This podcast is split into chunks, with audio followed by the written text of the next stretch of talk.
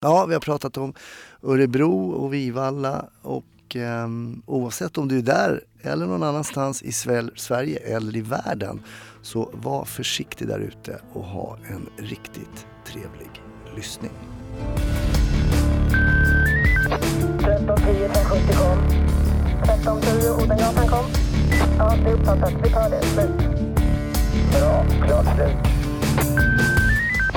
Varmt välkommen till Snutsnack Fredrik. Ja men tack så mycket. Du är en av de gäster som inte längre jobbar som polis. Nej, sen i mitten på januari i, i år här så, så är jag inte polis längre. Vilket känns väldigt konstigt efter ja, 27 år i, i yrket faktiskt. Ja, tanken kring att ens börja jobba som polis, hur dök den upp för dig? Oj, eh, jag har inte haft det som någon barndomsdröm på något sätt utan eh, jag eh, läste på gymnasiet till, till gymnasieingenjör. Mm. Eh, och i och med det då när man gjorde lumpen sen så var det ju 15 månader eh, direkt efter det. Man var ju 20 när vi, det var ju fyra, fyra år i tekniskt då man gick. Eh, så vart man ju då kompanibefäl och skulle in där så jag tyckte då det här med, med militärtjänst det var, det var häftigt och just att få hamna i, i, gärna i utbildningsdelen där man ledde andra tyckte jag var spännande. Så att där var man inne ett tag på faktiskt att bli fortsätta inom det militära. Men sen efter Eh, vi gick eh, några kurser där så kände jag nej det kanske inte var riktigt jag då. Och sen eh, jobbade lite ströjobb och stack ut och reste och sådär. Sen var det bara någonstans som jag kände att nej, polis är det jag ska söka till. Och jag, jag vet faktiskt inte var det kom ifrån. Eh, jag minns att jag satt på någon buss och såg någon sån här uh, ansöknings... Uh, det satt någon reklamgrej då och tänkte att det. det där ska bli.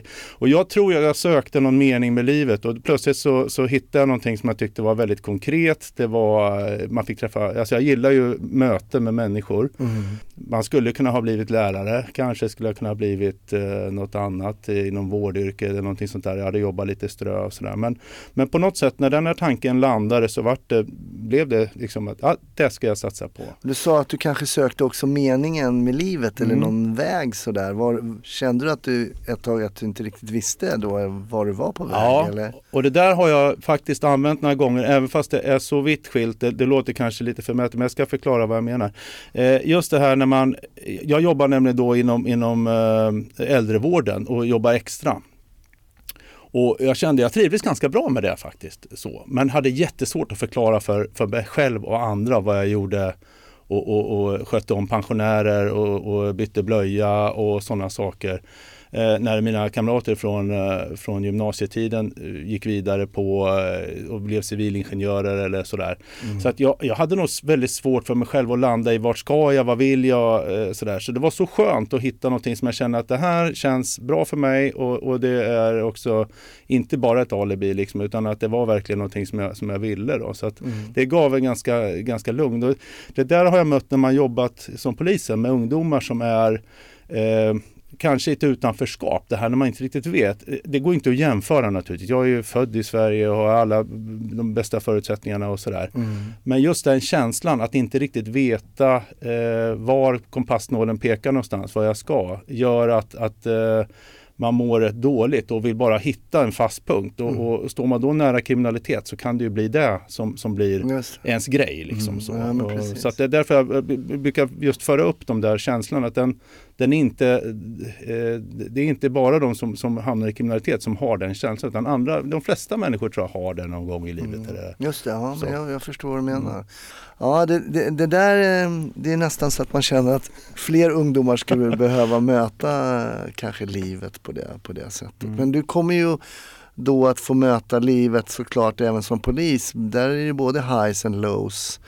Eh, och förstod du när du gav dig in på polisyrket att det skulle bli så på något sätt? Nej, eh, ja men alltså eh, som många, jag har ju lyssnat på, på dina tidigare program här och, och andra eh, före detta kollegor då, som, som pratar om att man, man söker för man vill hjälpa människor och sådär.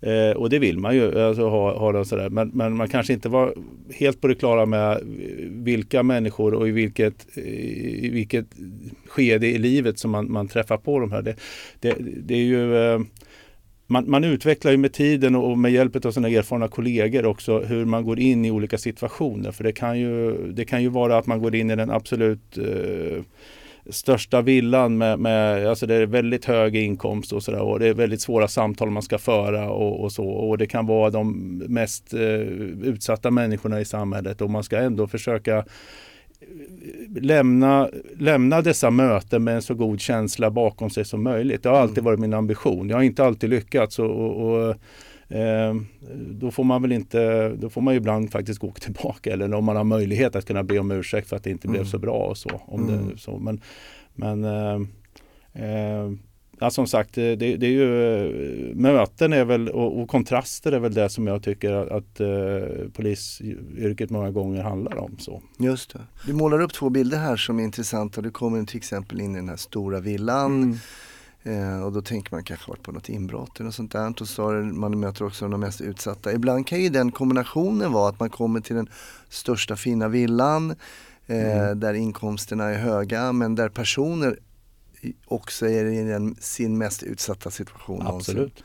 Vilket också kanske kan krocka med de fördomar man har att eh, till exempel pengar är lika med lycka eller Absolut. någonting sånt. Mm. Och de kontrasterna är väl också lite ovana när man kommer kanske ut som yngre person och jobbar och sådär. Att, eh, Ja, ja framförallt, just som du säger, yngre person. Det, i, I början så var det ju väldigt konstigt att gå in och, och försöka medla till exempel i ett äktenskapsbråk. Om man själv är, skulle kunna vara barn i familjen. Alltså. Mm, så. Mm, mm. Eh, och då, då räddar ju uniformerna en ganska mycket. Eller att man, har, man kommer in med någon viss, någon viss typ av pondus och sådär. Men, men eh, det, känns ju jättekonstigt att sitta och ge äktenskapliga råd eller att, medla i någonting där, man, man rent krasst inte kan ha en, en susning egentligen. Eh, om, om vad det innebär. Eller, och så. Många gånger är det ju missbruk med i bilden också eller att det har hänt Mm. andra saker som, som gör att det, det och man gör ju någon, någon form av quick fix också. Det, och det, vet, det är man ju fullt medveten om att, att okej,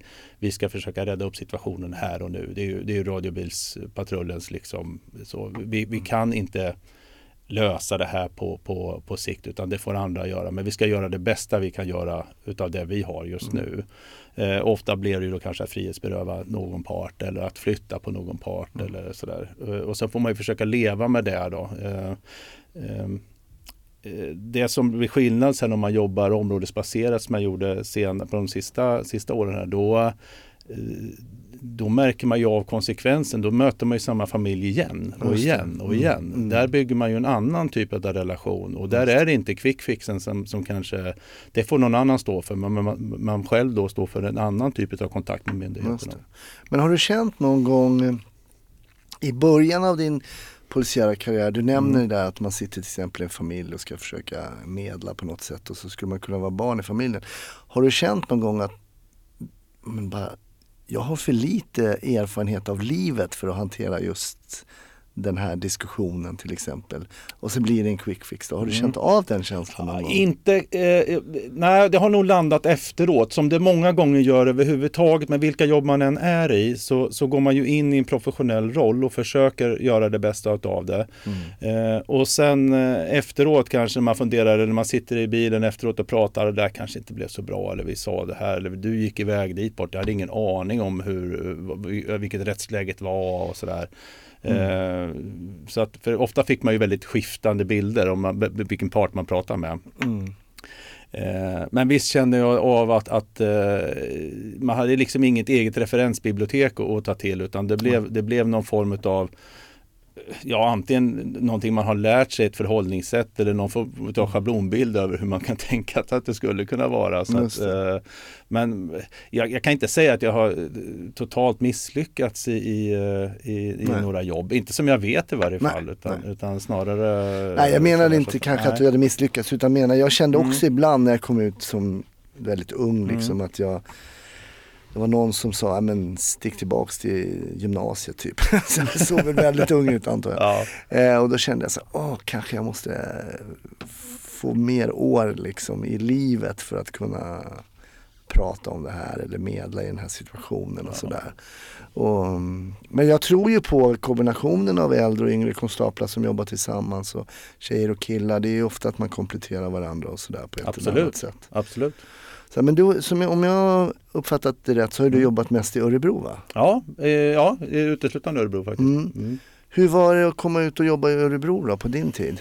När var du Eh, klar? Jag var klar, eh, jag började skolan 91 där eh, och var klar 90, eller jag gick ut då på, på, som färdig polis 94. Mm. Eh, gjorde ju de här 18 månader praktiken, det var ju så utbildningen såg ut då. då. Så man, man jobbar ju ganska mycket eh, även under, under sin, sin utbildning. Mm. Så att 94 kom jag ut där. Jo men eh, ja, det är ju ett annat Örebro som, som eh, var då jämt emot eh, när jag lämnade yrket nu. Eh, Mm. Det är en helt annan bild. Vi hade inte utsatta områden på det viset. Eh, det området jag jobbar mest i då, Vivalla, det var ju ett stökigt område redan då och kanske alltid varit det sedan det byggdes 69-70. Men, men det var inte alls på det viset utan det var, det var annan typ av kriminalitet. Eh, jag tyckte vi mötte Ehm, mera enskilda eh, kriminella som, som agerade. Ja, visst man kanske handlade handlar med narkotika och sådär i ligor och liksom så men det var inte de här grupperingarna och det var inte det, det, det våldet som man mötte. Och, och framförallt inte vapensidan. Nu, nu höjer man ju liksom inte ens på ögonbrynen liksom över eh, om man anträffar ett vapen utan man förväntar sig nästan att det ska finnas eh, olika typer utav, utav eh, tillhyggen eller vapen i det. Men, men då var det ju stort om, om det, om det, om det blev, blev på det viset. Så att, eh, man mötte en annan respekt tycker jag bland ungdomar. Eh, eller jag ska säga så här, en annan respekt, det, det kanske, det, det var, man för, nu måste man förtjäna sin respekt på ett annat sätt. Man måste visa vem man är som polis på ett annat, på ett annat vis för att, för att uppnå samma, Okej. samma typ av... Här. Det andra var nog mera det här fortfarande gammaldags att man hade respekt, för, man var lite rädd för polisen. Just så. ja. Som jag själv var kanske när jag växte upp. Jag hade ingen relation till polisen. Och så. Nej.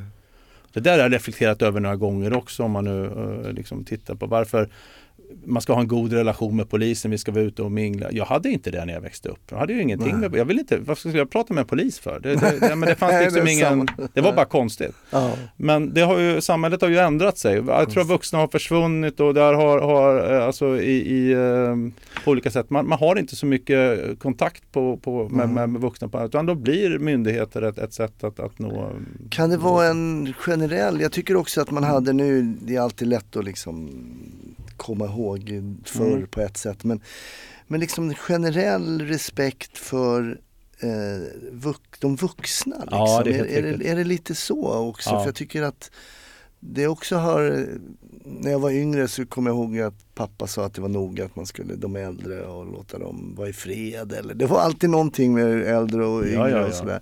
Det verkar som det kanske finns någon generell förlust av respekten för den vuxenvärlden på något Det sätt. fanns väl inte planer på att man skulle kliva in och kliva förbi farsan och morsan som tittar på tv eller på nyheterna och säga att nu är det, nu är det Bolibompa för mig här så att nu knäpper jag om. Alltså, Nej, nu fanns nej. ju inte den möjligheten för det Nej. fanns inga tv-program för oss när små. och det fanns bara, absolut bara en tv. Sveriges magasin kanske. ja, precis. Men, eh, nej, men vi tog, man tog inte plats utan det var, man var med känner jag också. Ja, Att, just att, det. att, eh, Mm. och rättade in sig. Och skulle en granne öppna fönster och säga lägg av med det där eller någonting, då skulle man skämmas.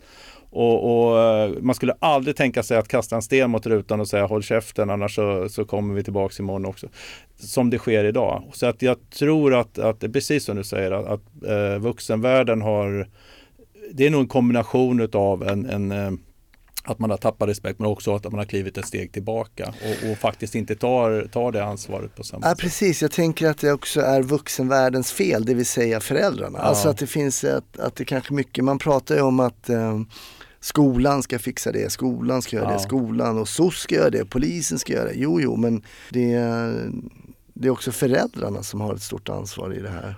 Ja, och vi är, eh, jag känner mig själv som förälder idag betydligt mera upptagen med eh, egna val i livet, egna saker. Sådär. Egna Mer- iPhones. Ja, nej men egen Ja. karriär och vi har flyttat fram, eh, tror jag, nu blir det väldigt filosofiskt stort Ja, här, men men, alltså vi har, vi har ju eh, flyttat upp åldern över, jag, jag, vi går inte i trenchcoat och hatt och, och, och eh, blev vuxna och, och eh, liksom var nöjda där. Man lever längre, man är piggare längre och Mm. på så sätt så fortsätter man ju de, de, vad ska man säga, Ungdomsåren. 30-40 års, även fast man gör det kanske på lite annat sätt, men man åker på olika typer av resor med all rätt. Men det kostar ju någonstans också. Mm. Eh, så så att, eh, jag tror att det är, eh, och just tekniken också som kommer in och tar väldigt mycket tid. Man säger vi har aldrig tid till någonting. Nej, men man lägger ju tiden någonstans där. Och jag är Mm. inte bättre själv, det låter som att jag är Nej, nej, inte jag heller, absolut inte. Jag tycker bara det är så intressant och Mm. när man nu har liksom, nu är man inte hundra men när man ändå har någon form av förmåga att kunna se bakåt Ja. också och kunna jämföra till viss del lite med när man själv var yngre och sådär som Jag tror mina föräldrar hade rätt bra koll med vilka jag umgicks med. Mm. För att de kom hem till oss.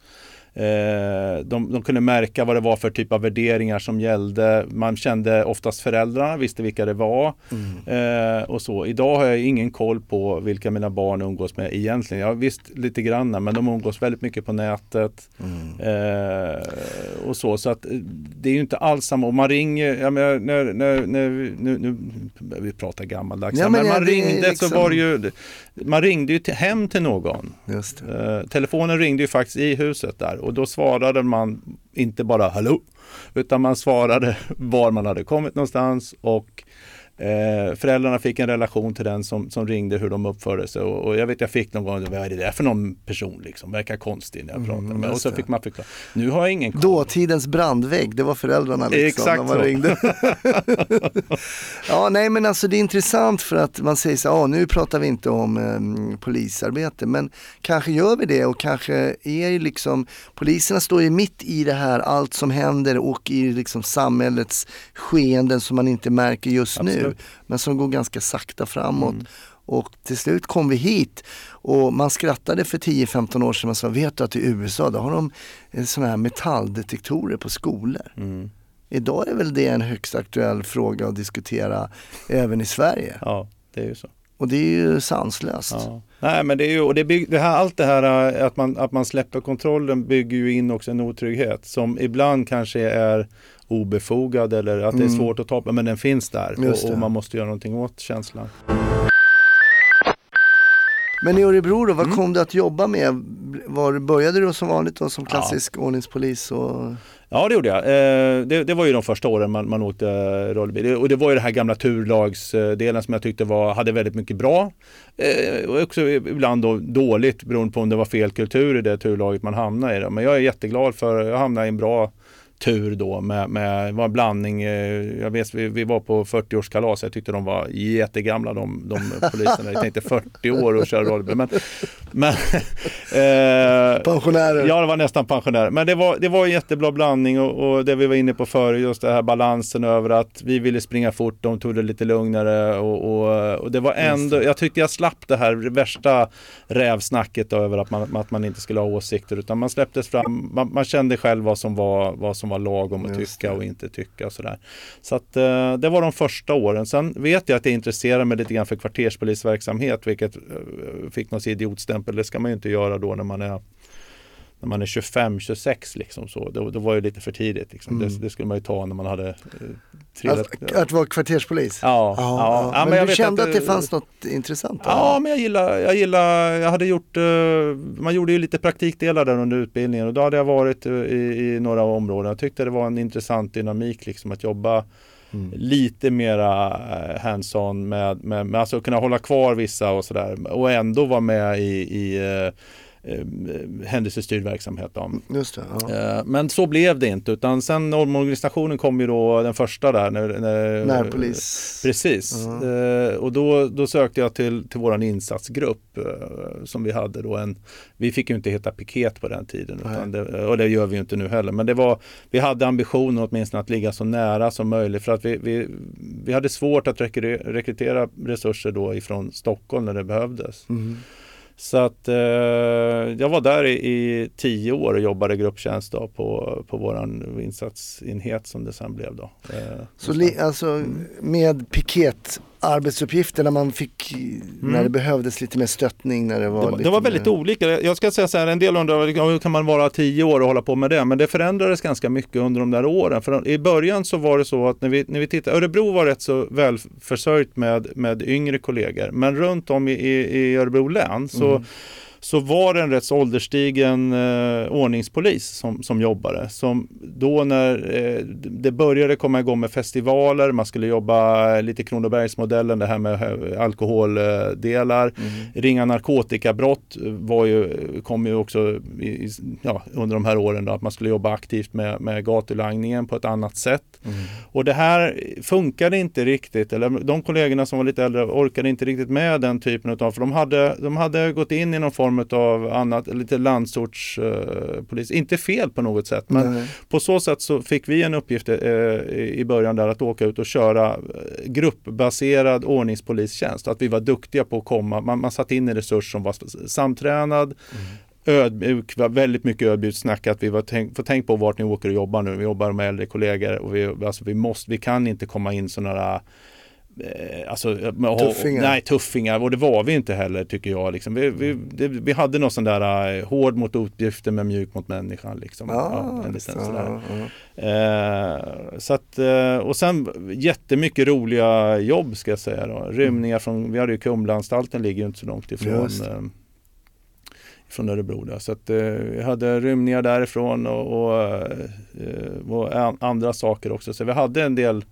eh, häft, ja, om jag får säga så. Men, men, ja, men det, det var, man, jo men alltså det, orsaken, du frågar för varför man sökte jobbet, om det var bara för att, för att hjälpa, hjälpa människor. Det var väl för att det snurrade lite blått på taket ibland också. Det ja, det, det, tycker jag man kan erkänna och sen framförallt tycker man väl att jag tyckte det var häftigt och jag såg det som en ren ynnest att få fånga bovar. Det ja. var fantastiskt. Och, Ja, men vi hade bankrån där de flydde ut i skogen och, och sådana så vi, vi tränade eftersök om jag ihåg med, med hund och, och, och eh, så det var en jätterolig, jätterolig period att uh, utveckla just uh, den delen att ha. Sen, sen, för att, sen kom ju det här med bastaktiken och allting så att ordningspoliser i, i, i gemen har ju blivit bättre på att uh, jobba dels i grupp och, och, och, men att jobba också i farliga situationer. Men så såg det inte ut då när närpolisreformen slog igenom. Så det var vår primära uppgift då, då. Så tio år då på den här styrkan mm. kan man säga?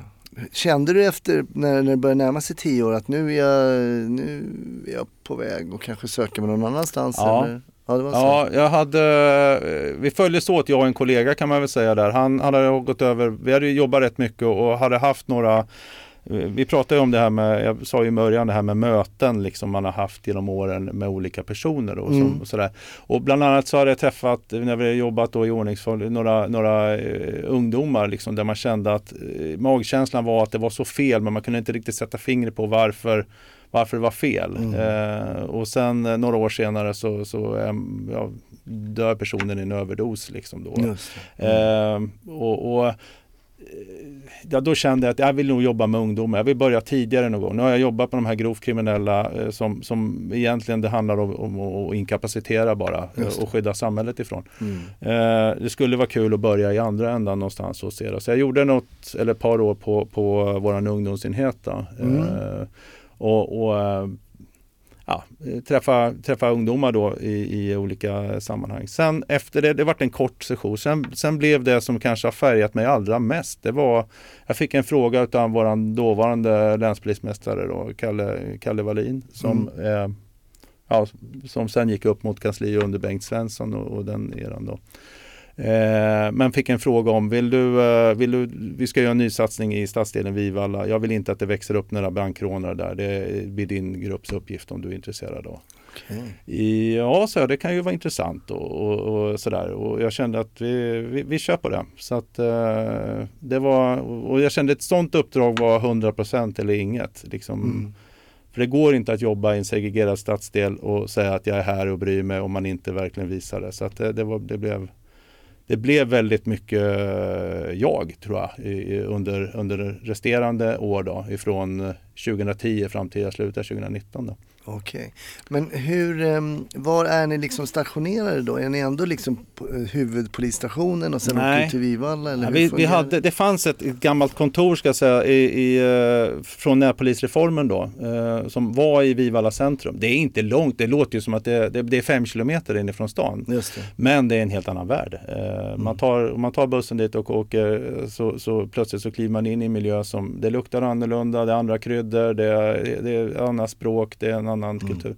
Och det här växte ju fram under de här åren jag jobbade i Örebro då, mm. sakta men säkert. Men jag Just. hade nog aldrig riktigt förstått eh, hur annorlunda det kunde vara faktiskt att, att jobba i en, i en sån stadsdel och hur både krävande, roligt, givande, allt där nedkokat. Vad var det du inte hade förstått då när du väl kom dit? Liksom? Nej men alltså, eh, Att det har kunnat förändras så mycket eller? Och ja att men just det här självklara att man är, eh, att någon kunde genuint hata en bara för att man hade en, eh, en uniform på sig. Just det. Och jag kände, men du känner ju inte mig. Du kan, du kan ju inte liksom, men, men verkligen utstuderat tycka illa om. Eh, andra som hade en jättestor respekt. Eh, andra som hade en, en otroligt dålig erfarenhet av poliser överhuvudtaget. Och då inte svenska polis, men, men Just det, Ja, bara ordet polis ja, liksom. ja. Kanske Eh, från eh, ett annat land eller något sånt där. Och sen synen tror jag också utifrån ifrån andra liksom att eh, ja men vad skönt det hände, det hände där. Eh, det, var, det, var inte, det var inte på min bakgård, då spelade det ingen roll. Nej, det, det det. gjorde mig lite arg ibland. Liksom, Mm. hur man, så fort det skedde något allvarligt brott in i, eh, i centrala delarna eller på några, då var det så här, åh nu måste det göras någonting och så här. Och sen brann det en bil i, i Vivalla eller att någon blev skjuten eller någonting så bara, "Ja, ja just det, men vart var det någonstans? Jaha, det var där, ja men ja, då- ja okej.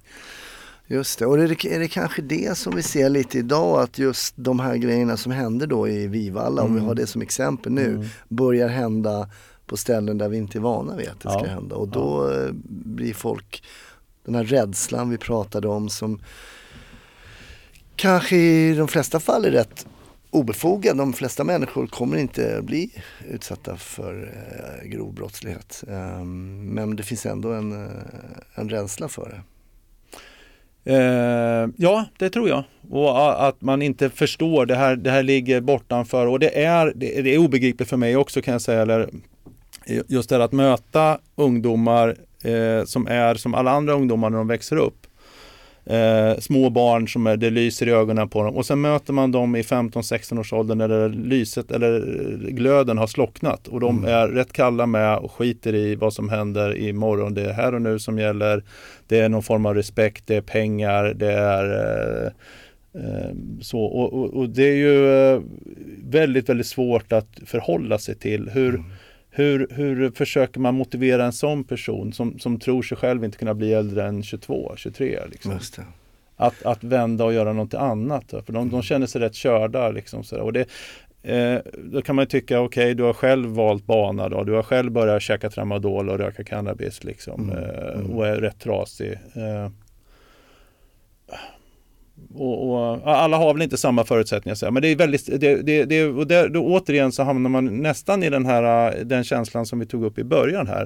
Eh, när jag som ung polis sitter ihop med föräldrar som är då bråkar och jag har inte referensbiblioteket för det. Och nu möter jag det igen. Trots att jag har livserfarenheten, alltihopa, så möter jag plötsligt människor som är från ett annat kultur.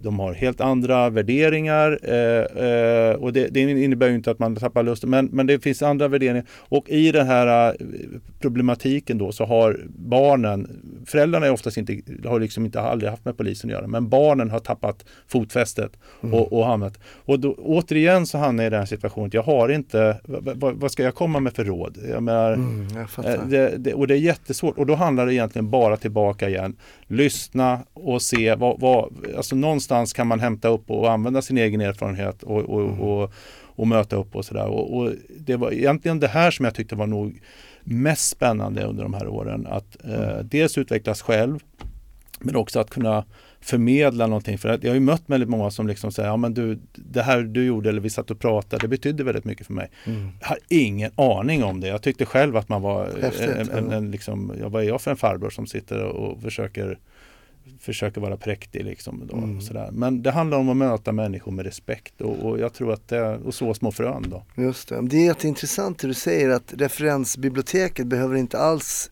finnas med automatik för att man har fyllt 40 eller Nej, 45 eller nej. 50. kan ju inte säga jag vet hur det är. Det låter ju larvigt. Vad, vad, vad då vet? Jag, jag har vuxit upp med två förvärvsarbetande föräldrar, Ja. syskon, jag har gått i skolan hela vägen, det har gått hyfsat okej. Eh, aldrig behövt lida någon penningabrist. Det är ingen som har slagit in dörren på, på morgonen för att hämta storebrorsan eller lillebrorsan. Eller, eh, det känns ju larvigt då för, för mig att säga att ja, men jag förstår hur det är som det är. Alltså, utan- men eh, Svårt alltså. Ja, men vi Svårt. hittar faktiskt ett, jag, jag ska, ja, vet jag inte hur mycket, jag snackar ju, snack, snackar ju. men eh, jag träffade faktiskt en, en, eh, en bibliotekarie i, i eh, Vivalla där vi satt och pratade. Jag pratade just om det här med hur, hur, hur, hur ska vi göra liksom? Och hon hade en, haft en idé om um, Eh, hon hade sett någonstans i någon, i någon intern tidning där man skulle läsa sagor för barn. Ja, polisen hade gjort det, jag tror det var i Vansbro. Eh, så jag ringde dit upp och kollade lite grann med dem och de tyckte ja det var ju bra. Men jag kände här skulle man kunna göra någonting, alltså det, det finns en plusmeny på det att göra det i, i Vivalla. Dels så ligger biblioteket i mitten i utav centrum. Öppna stora skyltfönster, alla ser in, det är där vi ska vara. Eh, vi tog dit alla femåringar som var uppe i, i någon form av skolverksamhet eller i förskola. Eh, bokade in dem. Jag sa, jag, jag tänker inte boka, jag, tänker inte, men jag infinner mig en halvtimme per grupp. Det här såg stora syskonen, det här såg föräldrarna. Små barn är spontana, de hejar på polisen när vi var ute sen, så då kan man ju heja på föräldrarna. Det var ett sätt att, att börja jobba sig in. Eh, då sa jag, nu- när vi hade gjort det här då, så tänkte jag, men kan vi inte göra det med andra årskullar? Och då började vi köra med årskurs 6 och årskurs 8. Och då valde hon böcker som de ändå skulle läsa. Det handlade om lag och rätt. Det handlade om eh, lojalitetskonflikter. Det handlade om att eh, hur gör man om man ens inre rättesnöre säger att jag ska, jag ska gola men att det finns en gola mentalitet som säger bara nej nej, liksom ska, ska aldrig snacka med polisen och sådär. Och då tog vi boken, för jag tänkte en bok kan vi ju dela, en historia kan vi dela. Jag kan se en film eller jag kan läsa en bok och jag kan se den ifrån min vy och någon annan kan se den från sin vy. Vi kan komma från var som helst i världen men den där historien som vi läser, den kan vi snacka om. För den delar vi faktiskt. Ja. Eh, så. så det var, eh, jag vet inte, slumpen, men det var ett sätt att, att faktiskt jobba med att säga det här tycker jag och, och eh, nu får du tycka vad du tycker. Och sådär. Vad häftigt och det är ju någonting som man eh, absolut inte tänker att det finns säkert en polis i Sverige som tycker att vi ska läsa sagor för femåringar för att det är en, i ett längre perspektiv. Det här är tio år sedan nu. Jag har rätt god relation med väldigt många 15-åringar idag som, som man faktiskt träffade då och som fick eh, deras, deras payback var att de fick rita en teckning sen på när de kom tillbaka till skolan om hur de, vad de tyckte om polisen och det var ofta i, i, stora hjärtan och jag gillar polisen. Alltså sådär.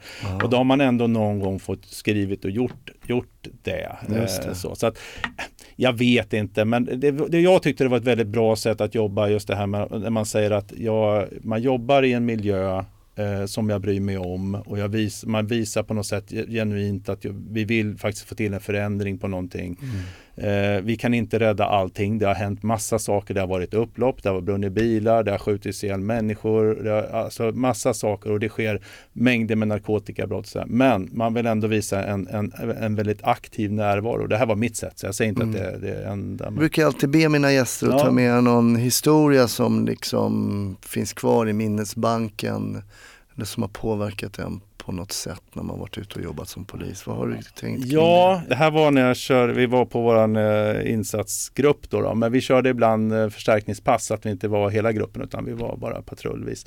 Och vi fick åka på ett, eh, det var ett självmord.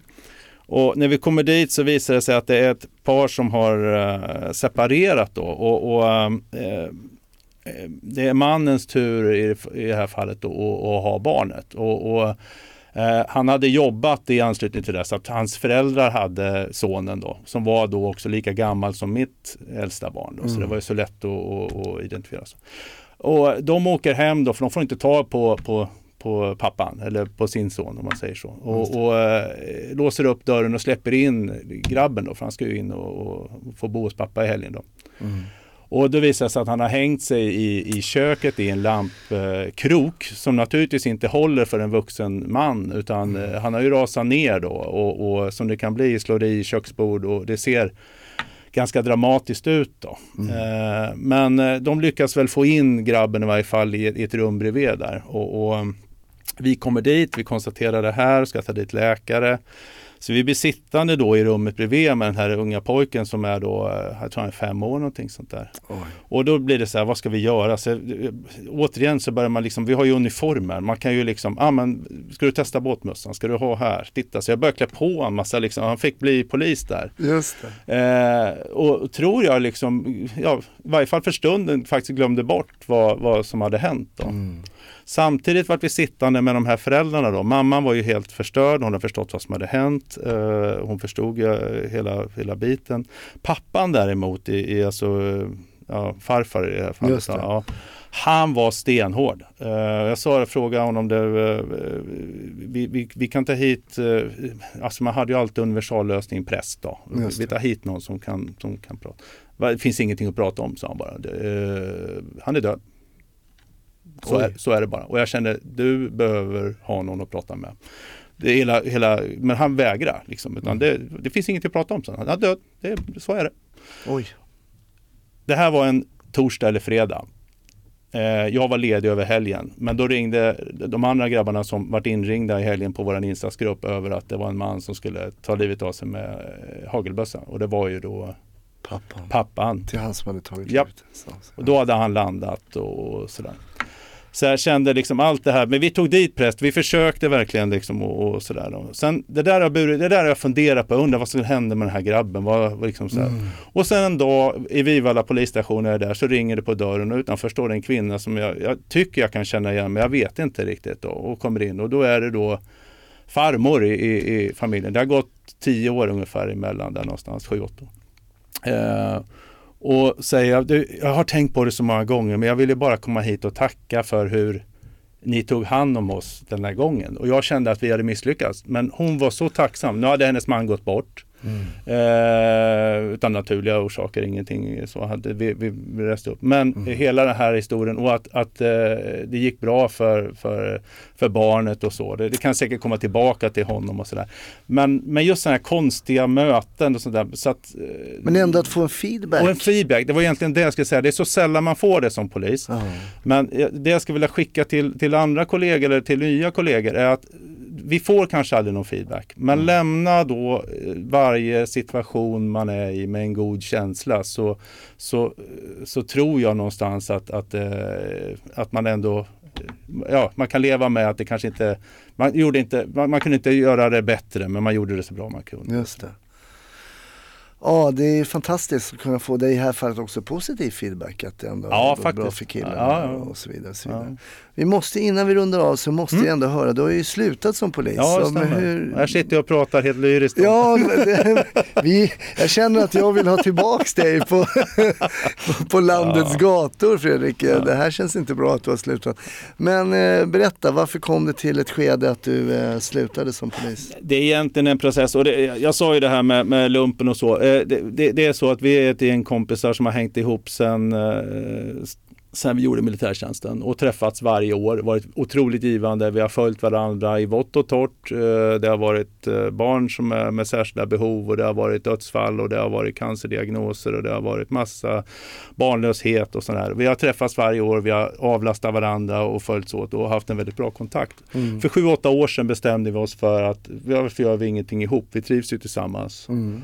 Och då startade vi ett eh, bolag. Vi fick möjligheterna via en i vår vänskapskrets där som hade det lite bättre finansiellt ställt. Och, och eh, han hjälpte oss att kunna låna pengar. Så vi har köpt eh, generationsskiftesföretag ska jag säga i, i olika så. Och vår idé har varit att man går in operativt och arbetar i de här bolagen. Och det signade jag på för 7-8 år sedan. Sen har jag jobbat som polis och inte haft möjligheten och, och man får inte ha vid sidan om jobb hur som helst och så. Utan jag har varit, varit passiv kan vi säga som, som eh, delägare då. I höstas så, så hittade vi två bolag i säkerhetsbranschen, i väktar, väktarsäkerhetsbranschen. Okej. Och, och då eh, tyckte övriga och även jag själv att vore inte det kul att du testar eh, dina vingar utanför polisen då. Mm. Och, eh, det var inget lätt beslut och jag hade, eh, alltså, jag vet inte vad man ska jämföra det med riktigt. Jag, eh, det, är inte, det är inte riktigt som att åka berg och dalbana, men ja, möjligtvis när man är på väg upp i den här branta backen och det skakar och man vet att nu, det, nu åker vi snart och jag kan inte göra så mycket åt eh, Lite den känslan så att, ja. Men eh, nu har du ändå jag har jobbat ett, ja. åkt ner för den Mm, brantaste ja. då kanske så du är inne i snurren det, på... det har gått väldigt fort och jag, som jag har sagt, eller jag, jag tillåter att känna mig att jag saknar väldigt mycket från polisen. Det finns otroligt mycket saker som, som är eh, bra och jag flydde inte ifrån på något sätt. Nej. Eh, Utan eh, jag, jag tycker att jag lämnade och, och jag försöker hitta samma Eh, alltså att kunna engagera mig eh, i, även i det jobbet som jag hittar nu. Mm. Nu är det nog lite mera, eh, lite mera egotripp kanske i att, att utveckla mig själv och se vad kan vi göra för den här branschen. För jag skulle vilja, det jag har sett lite grann i varje fall, det är att det finns väldigt många aktörer eh, som med olika motiv till varför man finns där. Och så jag skulle Tänker vilja, i säkerhetsbranschen? Ja? Mm. eh, och, och man, man kanske ibland säljer på, på just den här känslan av otrygghet som, som du säger. Och, Mm. och jag skulle vilja att det var mer genuint, att man faktiskt eh, anammar det som man försökte själv som polis förmedla, men även från ett privat perspektiv. Då. Och vi är ju i en sån, sånt skede också där, där, där man ersätter eller försöker förstärka polisiära resurser med ordningsvakter eller med Mm, eh, mm. väktare och så.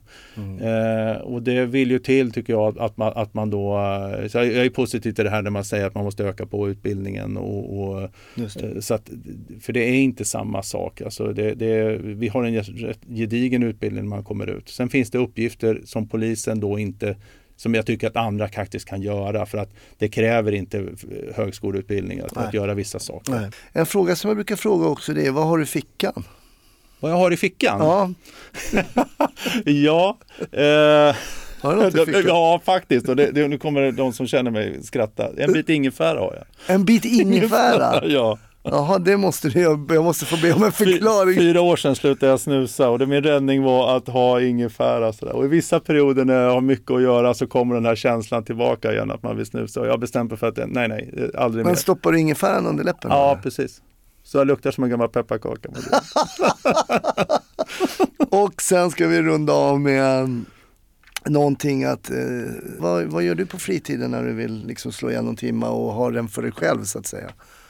Ja, jag, numera så, så eftersom jag pendlar en del och, och så, jag, jag, jag, de här bolagen vi köpte är ju i Stockholmsregionen och jag Mm. själv bor ju kvar i Örebro. Så då lyssnar jag ju gärna på ja, dels poddar men även, även eh, böcker då. Mm. Och eh, nu tappar jag naturligtvis vad, vad författarna hette igen här. Ja, du, vi Ros- pratade Hellström och Roslund va? Precis, tack. Och jag tycker att de har en, eh, en, eh, en större realism, även fast det naturligtvis är fiktiva böcker och så, men en Mm. större anknytning till realismen och gärna väver in också ett dilemma i att, att allting kanske inte är svart och vitt utan att det, det finns en, en, en gråzon också. I, i, så jag gillar, gillar de böckerna faktiskt, har ett djup och sådär. Just det. Så att det, det lyssnar jag gärna till. Ja, intressant. Eh, Ett boktips istället Mm. för ett filmtips. Ja, så- jag kan lämna filmtips också, men det är ju, det är ju jag sa ju det, vi satt och pratade, jag gillar ju, jag gillar ju, alltså polisen är så allvarlig så jag vill gärna ibland, jag har använt humor väldigt mycket i, i mitt, mitt jobb när det passar. Ja. Det är klart det inte passar när de här situationerna jag berättade om förut, men, men många gånger så, så kan man få ett skratt ihop med någon så har man förenats i det också. Jag, Mm. jag gillar ju 112 Aina, eh, den Ja, serien. ja. Det var ju jag tyckte att de, eh, jag, jag, tänkte på deras, deras strävan i, i att försöka vara i, i ett område så, så kunde jag se på mig själv med lite andra, ja, med, ja lite, lite mera sådär, 112 Aina. glimten. Där Ja. faktiskt jag dyker upp i rollen som mig själv ja, i något avsnitt. Jag vet inte när det hur var. känns det? Ja, men det var väl lite roligt. Alltså stort tack. Tack!